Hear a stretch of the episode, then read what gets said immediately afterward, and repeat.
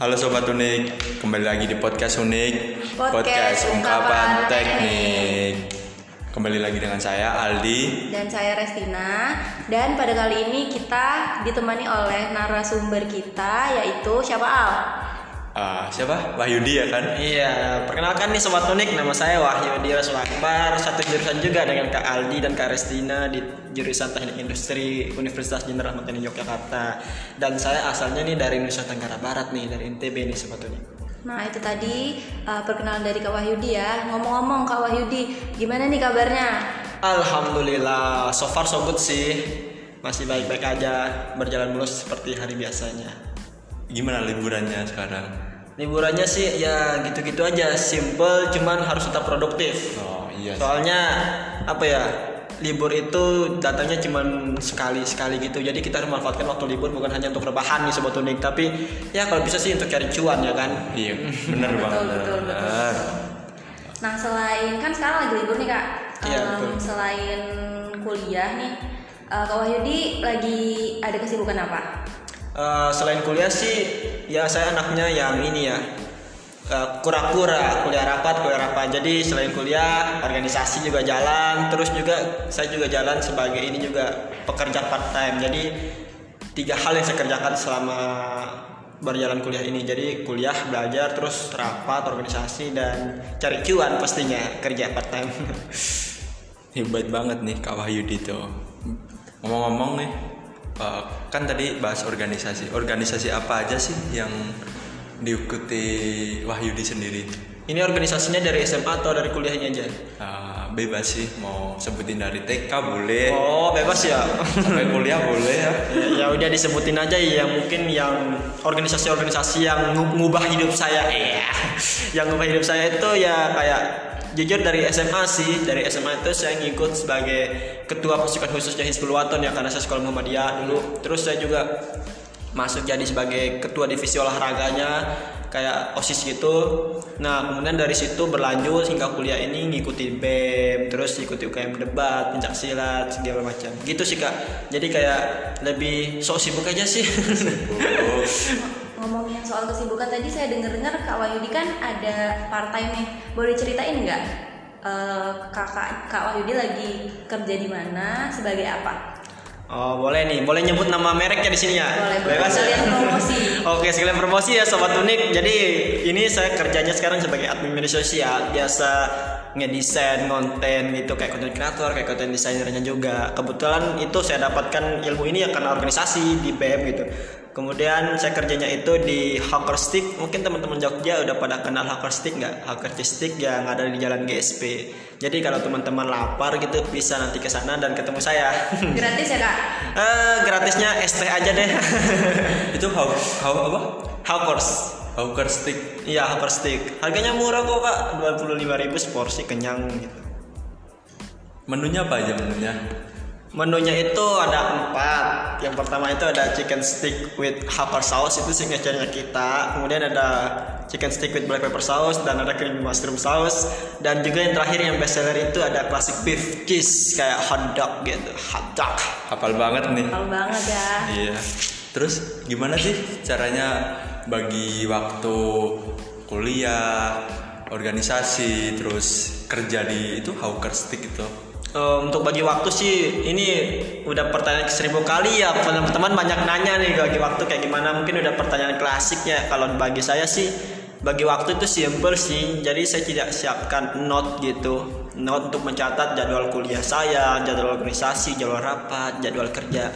Nah nanti dari catatan-catatan itu saya bisa menilai mana yang harus diprioritaskan terlebih dahulu kadang mungkin ada yang lebih urgent kayak kerjanya lebih urgent jadi itu diprioritaskan. Kemudian kalau kuliahnya lebih urgent itu diprioritaskan. Jadi dari skala catatan yang saya catat itu teman-teman atau sobat unik ya aku sebutnya Sonic aja gak apa-apa ya sobat unik ya. Ah, jadi dari catatan itu Sonic kita bisa menilai gitu dari catatan itu menilai mana yang harus diprioritaskan terlebih dahulu. Itulah yang dikerjakan terlebih dahulu. Gitu sih kak cara saya membagi waktu. Oh jadi em, dari yang saya tangkap tadi Kak Wahyudi bilang kalau caranya membagi waktu itu dengan mencatat prioritas Iya, skala yang prioritas. lebih, Iya. oh, yang mana yang lebih penting gitu. Tapi pastinya Kak Wahyudi nggak ini ya nggak ninggalin kuliah ya karena Pasti. sebagai mahasiswa pastinya tujuan utama kan kita kuliah ya benar banget. Oke, tadi kan udah bahas tentang organisasi dan cara membagi waktu. Nah, sekarang kita lagi angkat-angkatnya banget dengar kalau Kak Wahyudi ini adalah eh, juara, Juara dua dua. duta, duta Iya, kampus. Nah, boleh diceritain tuh Kak, eh, duta kampus itu apa sih? Eh, jadi duta kampus itu dia tujuannya itu menciptakan role model untuk anak-anak organisasi yang tidak mengikuti. Jadi pemenang dari duta ini jadi role modelnya teman-teman lain kayak jadi pembimbing Ahmad Yani mudanya lah gitu disebutkan dan nanti dari pemenang duta juara satu duta ini menjadi mapres di mana mapres ini mahasiswa berprestasi yang mengikuti programnya Kemendikbud. Nah makanya di Unjaya sendiri itu digabung langsung jadi dua duta dan mapres. Jadi pemenang duta menjadi mapres. Nah untuk dutanya sendiri itu seperti yang disebutkan tadi dia fungsinya itu sebagai role model doang gitu. Jadi bukan role model doang ya. Role model kan memang sulit ya. Jadi gimana caranya dia menjadi teladan bagi anak-anak lain dan menjadi contoh dari anak-anak lain. Dengan caranya juga PR-nya dia dia harus bisa menerapkan nilai juang Ahmad Yani dan nilai juang nilai-nilai yang ada dikandung oleh Unjaya itu sendiri untuk diterapkan oleh anak-anak lain. Soalnya di Unjaya sendiri belum ada role model kan. Iya, Jadi dibutuhkan seorang duta. Gitu sih cerita singkatnya itu ya. Kalau mau teman-teman Sonic mau lebih tahu lagi mungkin bisa gabung ngajak ajak ke tongkrongan ya kan. Awalnya tuh gimana sih bisa kepikiran ikut duta kampus Unjaya ini? Awalnya itu soalnya ad- ini setiap prodi itu ada dikirimin surat tugas ya untuk meng- mengirimkan wakil. Kemudian saya dengan ini chat langsung ngechat kepada Ibu Naila. Mungkin teman-teman Sonic pada tahu ya Bu Naila aja. Bu Chat. Naila. Eh, awalnya ya ngechat Ibu Naila, "Bu, ikut yuk, gas," katanya. Jadi disuruh di situ disiapin disuruh siapin KTI. Nah, curhat aja nih. Pas siapin KTI itu susah banget. Soalnya saya anaknya yang paling nggak bisa nulis. Cuman kalau speaking ya bisa lah gitu. Jadi pas nulis KTI itu baru baru pendahuluan aja itu saya udah kesusahan gitu. Akhirnya cuma sekali konsul maaf ya Bu Nela ya maaf. Cuma sekali kali konsul nih ke Bu Nela. Terus eh, ter- mendadak juga kan ini deadline-nya itu mendadak dan mepet. Jadinya ngerjain sendiri tuh nggak ngumpul lagi ke Bu Nela. Maaf ya Bu. Akhirnya setelah selesai sampai dapus dikumpulin dan itu dikumpulin di injury time banget dikumpulinnya KTI kemudian setelah dikumpulin itu langsung ada panggilan untuk seleksi wawancara. Lolos alhamdulillah lolos nah di seleksi wawancara itu dipertanyakan tentang organisasi juga tentang pengalaman. Kemudian yang terakhir juga yang nggak kalah serunya itu ditanyakan tentang pemahaman tentang KTI yang ditulis. Nah jadi di pemahaman KTI yang ditulis itu ditanyain sama dewan jurinya nilai-nilai apa sih yang ada di situ? Kenapa kamu menciptakan KTI seperti ini? Gitu. Dan juga di situ juga kamu diasah ditanyakan di interview itu pakai menggunakan bahasa Inggris. Jadi nilai bahasa Inggrismu juga dinilai sebagai nilai plus gitu. It's okay kalau nggak bisa bahasa Inggris nggak apa-apa. Cuman kalau bisa lebih bagus karena ada nilai plusnya. Soalnya ada salah satu juri yang menanyakan dengan bahasa Inggris itu. Jadi pertanyaannya mengenai personal dirimu dirimu sendiri dan KTI-mu sih lebih banyaknya gitu. Oh, jadi ada banyak banget prosesnya ya Kak untuk banyak. Oh itu belum finalnya kak. Itu setelah wawancara itu pemenang wawancara ntar masuk ke finalis. Nah hari finalis itu yang kemarin itu yang rame itu ada top top 10 kalau nggak salah ya. Iya. ya top 8 nah top 8 itu lima orang dari S1 dan tiga orang dari D3 jadi S1 dan tiga D3 itu dipisahkan. Kalau boleh tahu itu uh, finalisnya itu dari prodi apa aja sih? kalau finalisnya itu kemarin kalau aku masih Yang ingat- S1 aja deh, yang S1 aja. S1 itu teknik industri saya sendiri, kemudian ada akuntansi, terus ada keperawatan dan kebidanan sama apa ya satu kok aku lupa kak. Aku juga nggak tahu lah. Oh informatika, informatika, iya informatika. Jadi lima, lima. Kalau dari S1 itu Keren sih bisa mengalahkan, uh, ya nggak mengalahkan sih. Apa? bisa nyampe lebih posisi. unggul lah, lebih Iya. unggul dari peserta-peserta lain. Jujur sih nggak expect sebenarnya kak, nggak expect bisa lolos sampai final sih. Soalnya KTI-nya aja cuma sekali di konsul ke Ibu Naila.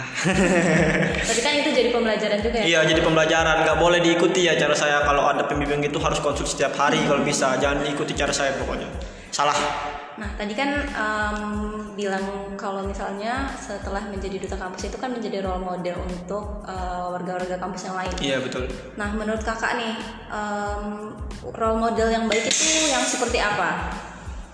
Ah, kalau bagi saya role model yang baik itu adalah dia yang mampu menggerakkan teman-teman lainnya dengan secara baik sih. Contohnya dia role modelnya ingin menunjukkan Ahmad Yani muda gitu. Mem, apa melahirkan Ahmad Yani muda. Seperti kita tahu kalau Ahmad Yani muda tuh memiliki jiwa bergebu-gebu ya patriotisme banget terus ambisius banget. Nah dia sebagai role model yang menjunjung nilai Ahmad Yani muda dia harus bisa mengeluarkan nilai-nilai itu kepada orang-orang lain gitu. Jadi dia sebagai orang yang baik, role model yang baik ketika dia mampu menjalankan PR dia. Kalau bagi saya gitu ya. PR dia untuk melahirkan Ahmad Yani Buddha, ya dia harus mampu. Itu role model yang baik sih menurut saya, yang mampu menjadi suri tauladan lah. Bukan role model yang jahat ya. Soalnya role model juga ada yang menyimpang kan. Contohnya influencer lah. Ada yang kanan, ada yang kiri itu sih. Nah, em, tips and trick nih kak eh, untuk ikutan siapa tahu teman-teman yang lain juga ada yang mau ikutan duta kampus lagi mungkin tahun depan ya Iya, tahun Lagi. depan. Eh, tips and tricknya lah Tips and triknya ya. Iya. Eh, kalau bagi saya sih ini pesan juga ya dari kemarin dari Dewan Juri itu soalnya nilai yang sangat berpengaruh itu bukan dari speakingnya eh speaking berpengaruh cuman yang paling berpengaruh itu capaian unggulan atau CU jadi portofolio teman-teman itu sangat berpengaruh nilainya sangat besar jadi untuk persiapan setahun ke depan sebelum ada pemilihan duta lagi teman-teman bisa menyiapkan capaian unggulan teman-teman seperti mengikuti perlombaan juara juara gitu terus mengikuti organisasi segala macam. Intinya sertifikat itu sangat penting di pemilihan duta. Jadi capaian unggulan selama setahun itu saya yakin bakalan banyak kalau emang mau disiapkan dari sekarang dan selain itu siapin juga mental teman-teman selama setahun ini. Dan kalau bisa sih bahasa Inggris teman-teman juga disiapkan ya. Soalnya jadi nilai plus juga. Cuman yang paling ditingkatkan yang paling ditekankan itu adalah CU capaian unggulan itu yang harus teman-teman siapkan dari sekarang. Pesan dari saya itu. Iya. Eh, kalau boleh tahu tuh eh, capaian apa aja sih yang pernah dicapai Wahyudi sampai hari ini?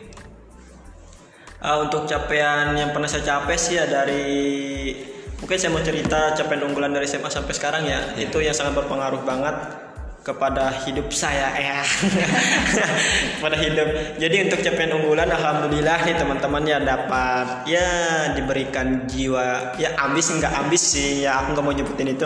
Dari SMA itu peng, organ, eh, capaian yang pernah saya dapatkan itu SMA itu saya pernah menjadi juara umum satu marching band tingkatnya provinsi. Jadi marching band saya anggota marching band juga. Kemudian juara satu baca puisi tingkat kabupaten, terus juara dua tarung kelas D remaja pencak silat ya. Juara dua tarungnya, kemudian juara satu MTQ cabang Syahril Quran tingkat kecamatan itu di SMA yang kayak yang wow banget bagi saya. Kemudian kalau yang di kuliah ini alhamdulillah juga pernah menjadi delegatornya student exchange Universitas Unjaya ini sendiri. Jadi kemarin pas jadi student exchange itu kita student exchange-nya dengan Takasaki University dari Jepang. Alhamdulillah kepilih jadi delegatornya. Kemudian yang kedua itu sebagai penerima beasiswa milenial cakap. Kemudian yang ketiga juara dua duta tadi. Yang keempat juga ada juara satu puisi tingkat universitas. Kemudian juara satu badminton BPD Cup tingkat daerah. Kemudian juara satu badminton se-Universitas Jenderal Ahmad Yani Yogyakarta. Kemudian yang ketujuh ada pernah menjadi mentor PKKMB juga kak bagi maba-maba, para maba. Kemudian yang ke-8 itu ya pernah diundang menjadi pembawa acara dari PK webinarnya PKM dan prospek kerjanya HMTI ya kan yang undang kemarin ya. Iya. Itu. Nah dari eh, dari semua capaian kakak nih, aku aku tertarik banget sama yang tadi penerima beasiswa Zenial Cakap. Nah itu tuh eh, kan ke sekarang eh, banyak banget kan mahasiswa-mahasiswa yang cari beasiswa. Nah boleh dikasih tahu tuh kak info beasiswanya Zenial Cakap itu eh, beasiswa yang seperti apa? Jadi untuk beasiswa senilai cakap itu sendiri adalah beasiswa yang mengembangkan minat bakat teman-teman atau soft skill teman-teman. Jadi di beasiswa senilai cakap itu bukan hanya soft skill juga, teman-teman juga akan dikasih kayak mentoring, mentoring soft skill teman-teman, cara meningkatkan soft skill segala macam. Jadi beasiswa ini bukan beasiswa yang uang ya kak, bukan beasiswa yang ngasih uang pendidikan bukan, tapi beasiswa yang lebih mengutamakan peningkatan soft skill. Ntar teman-teman setiap harinya itu setiap hari minggu akan dikasih mentoring. Nah selama mentoring itu ntar teman-teman praktekkan apa ini mentoring itu. Jadi banyak relasi dapat di situ bahkan sis apa ya mitra-mitra kerja pun banyak yang datang gara-gara kita ikut beasiswa itu. Oh, eh, dari beasiswa itu kan tadi mentoring mentoring ya kan. Iya. Nah, eh, Kak Wahyudi sendiri dapat apa aja nih pembelajaran yang mungkin bermanfaat juga buat teman-teman boleh di sharing? eh, pengalaman saya dapat dari mentoringnya so ini ya beasiswa Sinyal Cakap ini sendiri adalah mentoring cara kita melihat skala prioritas yang tadi saya sebutkan. Kemudian juga mentoring tentang soft skill saya mengenai desainer. Soalnya nanti kita akan disuruh pilih kelas-kelas. Jadi kelas apa yang mau dipilih? Kelas desainer kah? Content creator kah? Atau kelas planning atau segala macam? Atau tentang arsitek atau apalah segala macam ntar teman-teman pilih. Ah, kalau kemarin saya memilih desainer. Jadi di sini kita dikasih tahu caranya bagaimana cara kita mendesain suatu hal yang bisa dipahami oleh orang banyak dengan gambar yang sesimpel simpel banget gitu. Jadi itu sih saya dapatkan. Jadi dari pengalaman beasiswa itu saya terapkan ketika saya melamar kerja. Dan alhamdulillah gara-gara itu saya keterima gitu. Jadi sangat bermanfaat sih. Jadi benar-benar dibimbing gitu ya. Iya benar-benar dibimbing. Jadi walaupun teman-teman nggak bisa ngedesain, teman-teman mau ngambil kelas desain, it's okay, lebih bagus gitu belajar dari nol gitu. Soalnya menambah apa? wawasan baru gitu. Iya, Menambah skill juga sih. ya tapi nggak harus desainer ya. Soalnya banyak juga yang ngambil kayak kelas jadi asisten atau nggak jadi sekretaris atau keuangan gitu banyak ngambil tentang kelas keuangan kayak bisnismen gitu banyak ngambil kelas bisnis cuman aku nggak mau ngambil kelas bisnis kemarin Soalnya kenapa? soalnya cuma dibatasi satu ya jadi satu orang itu satu kalau nggak salah ya itu. Jadi saya ngambilnya desainer gitu. Kalau boleh tahu tuh eh, beasiswa ini tuh dapat info dari mana sih? nah ini yang unik nih teman-teman Sonic. Jadi aku tuh bukan orang yang produktif enggak ini saya dapat info beasiswa ini tuh bahkan dari adik tingkat adik tingkat angkatan 21 loh boleh disebut mau disebut namanya di sini boleh boleh Nah, Siapa? adik tingkatnya yang aku dapat info tuh dari adik tingkat yang bernama Krishna. Mungkin teman-teman Sonic juga pada tahu. Jadi dia itu dapat info ini dari IG. Kemudian aku lihat postingan dia kayak Tuwibon gitu. Aku tanya dong, langsung dia kirimin linknya, link daftarnya di WA. Jadi aku berterima kasih sih kepada Krishna sih, soalnya dia yang Pembuka jalan. pembuka juga. jalan bagi saya gitu. Dan alhamdulillah kami berdua keterima gitu. Itu dapatnya dari dia.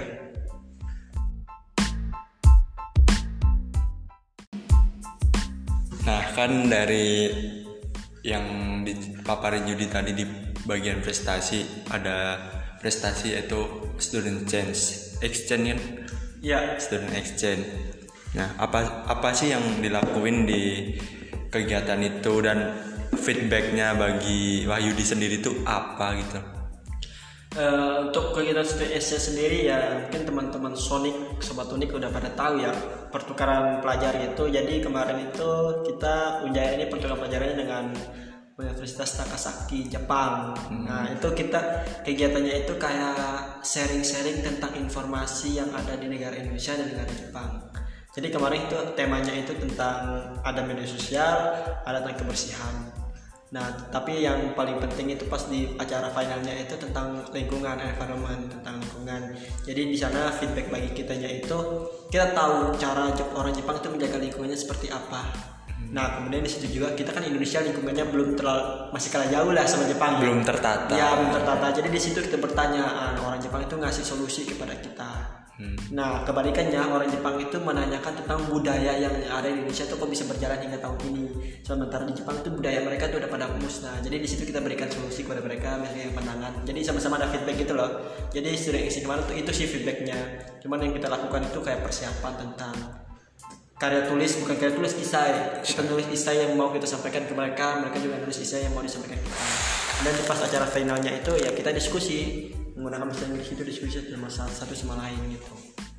Itu sih untuk feedbacknya. Jadi kita tahu cara Jepang tuh ngarawat lingkungan kayak gimana. Itu eh, pertukarannya tuh langsung ke Jepang apa gimana sih? Eh, untuk pertukarannya itu karena kemarin tahun 2021 masih covid ya jadi Iya. kita pertukarannya ya online acaranya online sebatas zoom meeting gitu online jadi kalau masih ada hibah tahun ini dengan Takasaki Jepang pertukarannya akan kalau aku nggak salah dengar ya orang Jepang bakalan datang ke Jaya yang Takasaki Terus orang Unjanya ke Jepang? Enggak. Enggak. tahun depannya lagi kayaknya Tahun depannya lagi. iya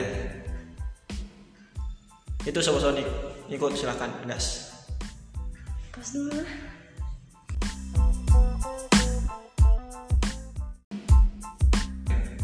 Eh, tips dan triknya untuk mahasiswa mahasiswi agar agar produktif. ya agar produktif. agar produktif dan berprestasi kayak Kak Wahyudi Hmm, apa ya? Kalau dari aku sih pesannya sih kalau yang ambisius tetap ambisius ya. Karena untuk menjadi produktif harus tetap ambis gitu. Kalau yang ambis ya ditingkatkan ambisnya. Aku sih bukan orang-orang yang ambis banget. Cuman kalau ada yang kayak men-trigger aku untuk berprestasi why not gitu. Jadi tips dan trik aku uh, dibawa santai aja hidup itu. Karena hidup itu simple. Cuman untuk kalian tuh harus lihat ke depannya kalian tuh mau jadi apa? Jadi kalau kalian diam-diam baik ini diam-diam baik kalian harus nggak boleh gitu harus bergerak. Jadi tips dan trik aku dicatatkan goals kalian. Aku ada sedikit keyword keyword gitu. Kalau orang-orang lain pada bilang gantunglah cita-citamu setinggi langit ya. Kalau aku sih enggak. Karena kalau setinggi langit ntar kalau kita jatuh bakalan sakit kan? Iya. kalau dari aku sih gantunglah cita-citamu sebanyak mungkin Nah, kenapa sebanyak mungkin kalau gagal di cita-cita satu, kalian bisa berpindah ke cita-cita satunya. Kalau gagal cita-cita satunya lagi, kalian bisa berpindah ke cita-cita yang satunya. Jadi tips dan trik aku, tulis goal-goals kalian, ke depannya mau jadi apa, gantungkan itu sebagai impian kalian. Kemudian cobalah untuk meraih satu-satu. Kalau gagal satu, raih satunya. Jadi itulah skala prioritas yang aku bilang tadi. Kemudian keyword yang satunya lagi ini sebagai moto hidup aku sendiri sih. Eh, sukses itu berawal dari tantangan bukan zona nyaman. Jadi teman-teman kalau mau raih cita-cita kalian mau menjadi beasiswa mahasiswa yang berprestasi, teman-teman harus keluar dari zona nyaman kalian dan cobalah tantangan. Contohnya nih zona nyaman mahasiswa itu pasti kan kayak ya kuliah pulang kuliah pulang terus rapat terus kayak belanja segala macam rebahan itu kan zona nyaman. Nah kalau kalian teman-teman mau jadi mahasiswa yang berprestasi, kalian harus berani keluar dari zona nyaman itu mencoba tantangan. Contohnya ketika ada program MBKM ikuti, ada lomba ini ikuti. Nggak apa-apa kalah, itu sebuah tantangan karena kekalahan itu berawal, ah, kekalahan itu jadi awal dari kesuksesan gitu. Itu sih tips dan trik aku. Betul. Itu ya guys ya tadi uh, tips and trick dari Kak, Wahyu, Kak Wahyudi sendiri untuk menjadi mahasiswa, Mahasiswa yang yang berprestasi, berprestasi dan produktif. produktif Iya. Um, mungkin udah selesai ya acara Iya. sesi ngobrol-ngobrol kita bersama narasumber kita yang sangat menginspirasi. Semoga uh, dari obrolan kita um, bisa menjadikan apa ya Motivasi. bagi teman-teman yang mendengarkan Amin, dan amin, juga amin. bisa jadi um, apa ya uh, banyak percontohan lah dari seorang Kak Wahyudi Wahyudi. dan kita mengucapkan terima kasih banyak sama Kak Wahyudi yang udah menyempatkan waktu untuk hadir di sini ngobrol-ngobrol bareng kita. Em, semoga apa ya em, selain menginspirasi semoga em, menjadi feedback balik lah buat Kak Wahyudi Amin, sendiri. amin, amin.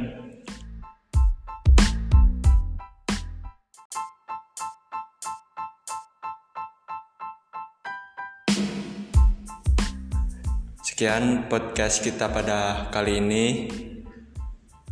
Terima kasih sudah mendengar. Sampai jumpa, Sampai jumpa di podcast podcast podcast berikutnya. Pasti ada banyak banget obrolan-obrolan menarik lagi tentunya. Iya. Saya Aldiansyah. Dan saya Restina. Kami Si kami pamit undur diri. Terima kasih. Salam Jabat Erat.